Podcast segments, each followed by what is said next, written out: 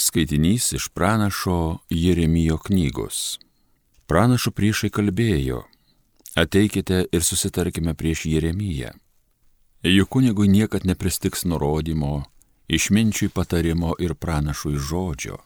Ateikite ir jį sumuškime jo paties žodžiais, atkreipkime dėmesį į visą, ką tik jis sako.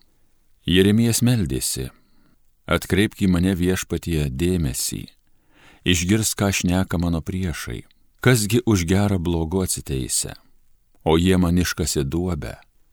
Atmink, kaip stovėdavau tavo akivaizdoj, kad juos užtarčiau ir tavo rūstybę nuo jų nukreipčiau. Tai Dievo žodis.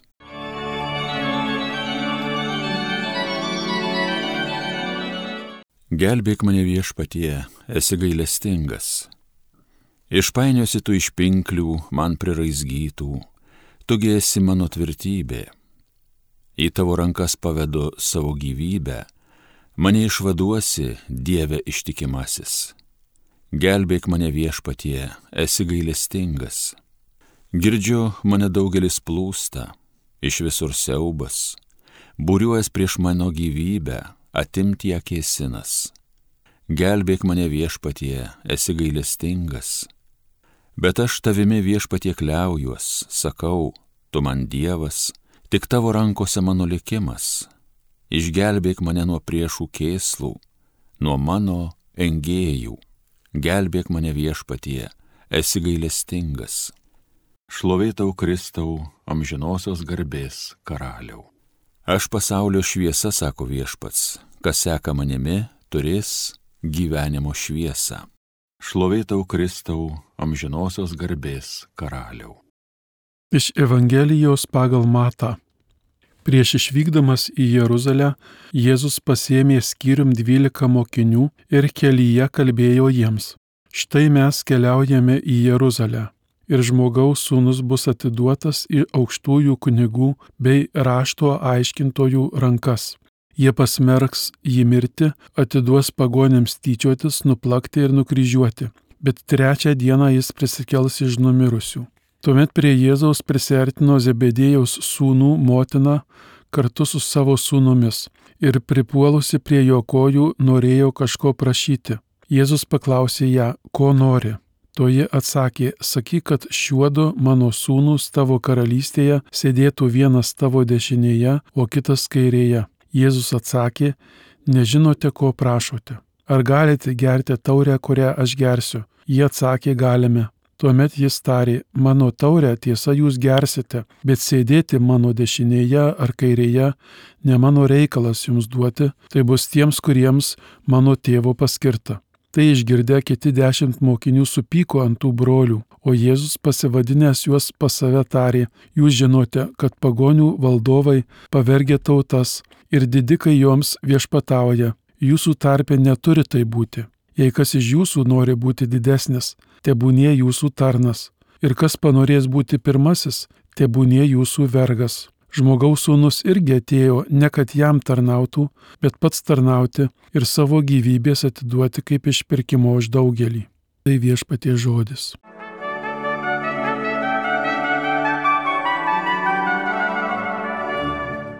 Mėly Marijos radio klausytojai, turim šventą gavėnios laiką. Kiekvienais metais Šis laikas mums primena besąlyginę Dievo meilę žmogui, ne vien žodžiais, ne vien savo kūrybą Dievas mus myli, bet, bet tapimu žmogumi ir mirtimi ant kryžiaus iš meilės mums. Kaip visada, šventų rašto tekste ieškokime vilties, kur viešpats kalba mums apie viltį ir šiandienos ir Evangelijoje Jėzus kalba apie savo mirtį, kad jis iš jo bus tyčiojamasi, kad bus nuplaktas, kad bus nukryžiuotas. Nu tie žodžiai tikrai tokie kančios pilni žodžiai. Tačiau užbaigė savo sakinį Jėzus, bet trečią dieną jis prisikels iš numirusių.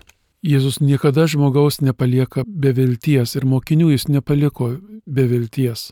Nes neteko vienam pamokslui ruošintis atrasti tokį tekstą apie, apie viltį.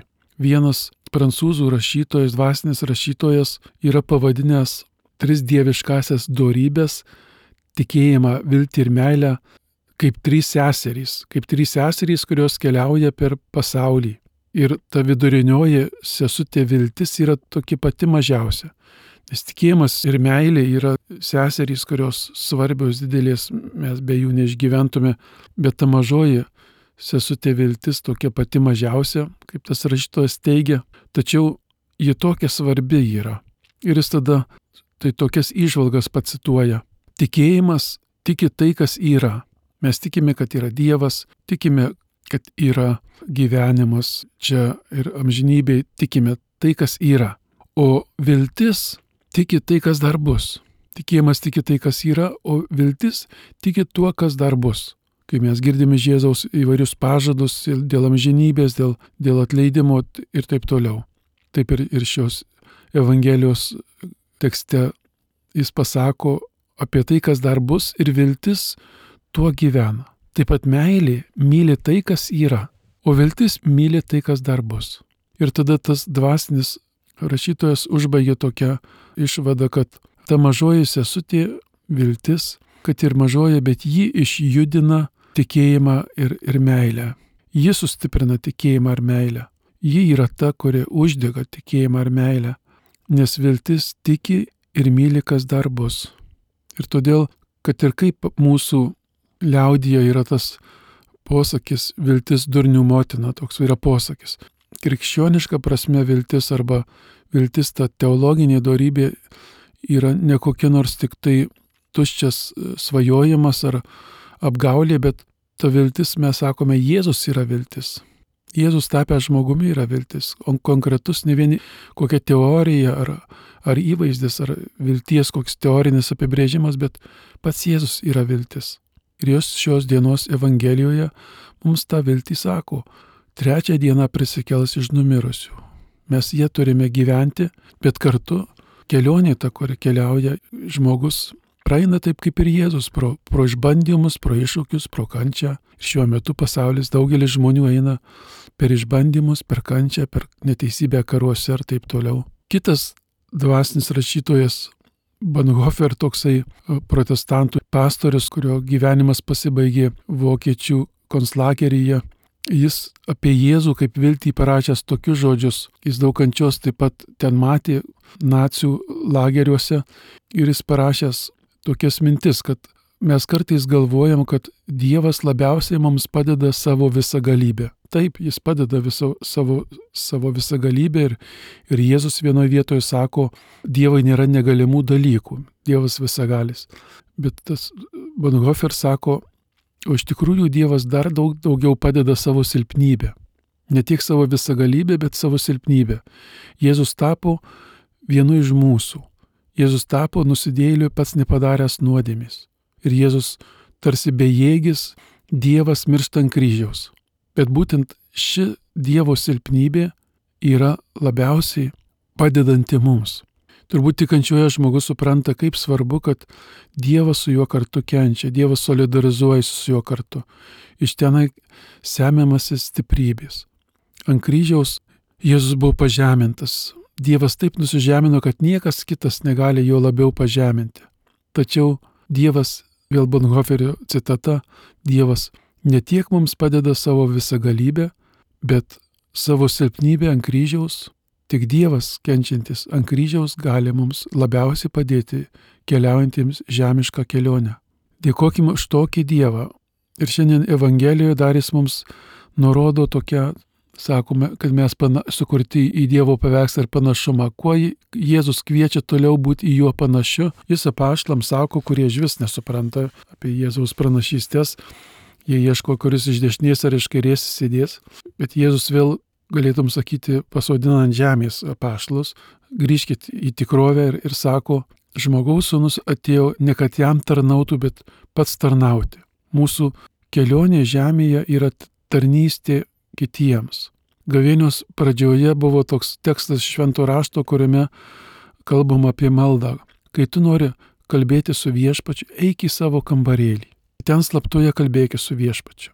Tarnauti Dievui ar žmonėms tai turėti tą kambarėlį, kuriame supranti, kad tik vienas Dievas supranta. Gali būti, kad tavo tarnystės ar šeimoje, ar parapijoje, nežinau kur nors, nesupra žmonės. arba neįvertins. Ir, ir Jėzus vėl duoda tokią stiprybę, bet, bet mūsų pašaukimas yra, mūsų prasmė krikščioniška arba kaip žmogaus yra tarnauti kitiems iš meilės, ne save kaip nors suniekinant, ne save nemylint, bet, bet nes Jėzus tą pa, parodė pavyzdį. Ir linkiu Jums, mėly Marijos radio klausytojai, ir savo, kad, kad šitą tarnauti krikščionybės prasme mes pamėgtume, kad tai yra mūsų laisvė. Nes tarnauti tai nevergauti.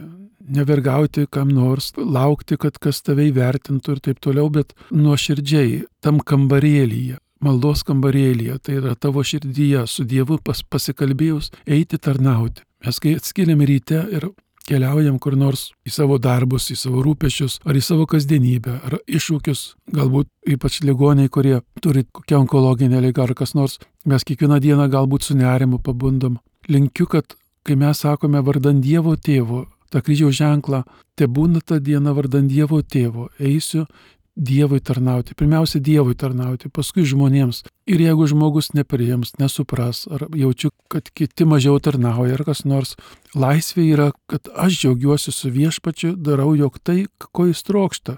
Jis mums Dievas tarnauja kasdien per savo kūrybą, per Jėzų Kristų, atleisdamas ir taip toliau. Te būna šventas gavėnios laikas, e, ne koks nors prislėgtas, nenusiminimo pilnas, net ir pasninkaujam ar kokias atgilas atliekam, te būna jis paženktas ramybė, dėkingumu už Dievų meilę parodytą ant kryžiaus.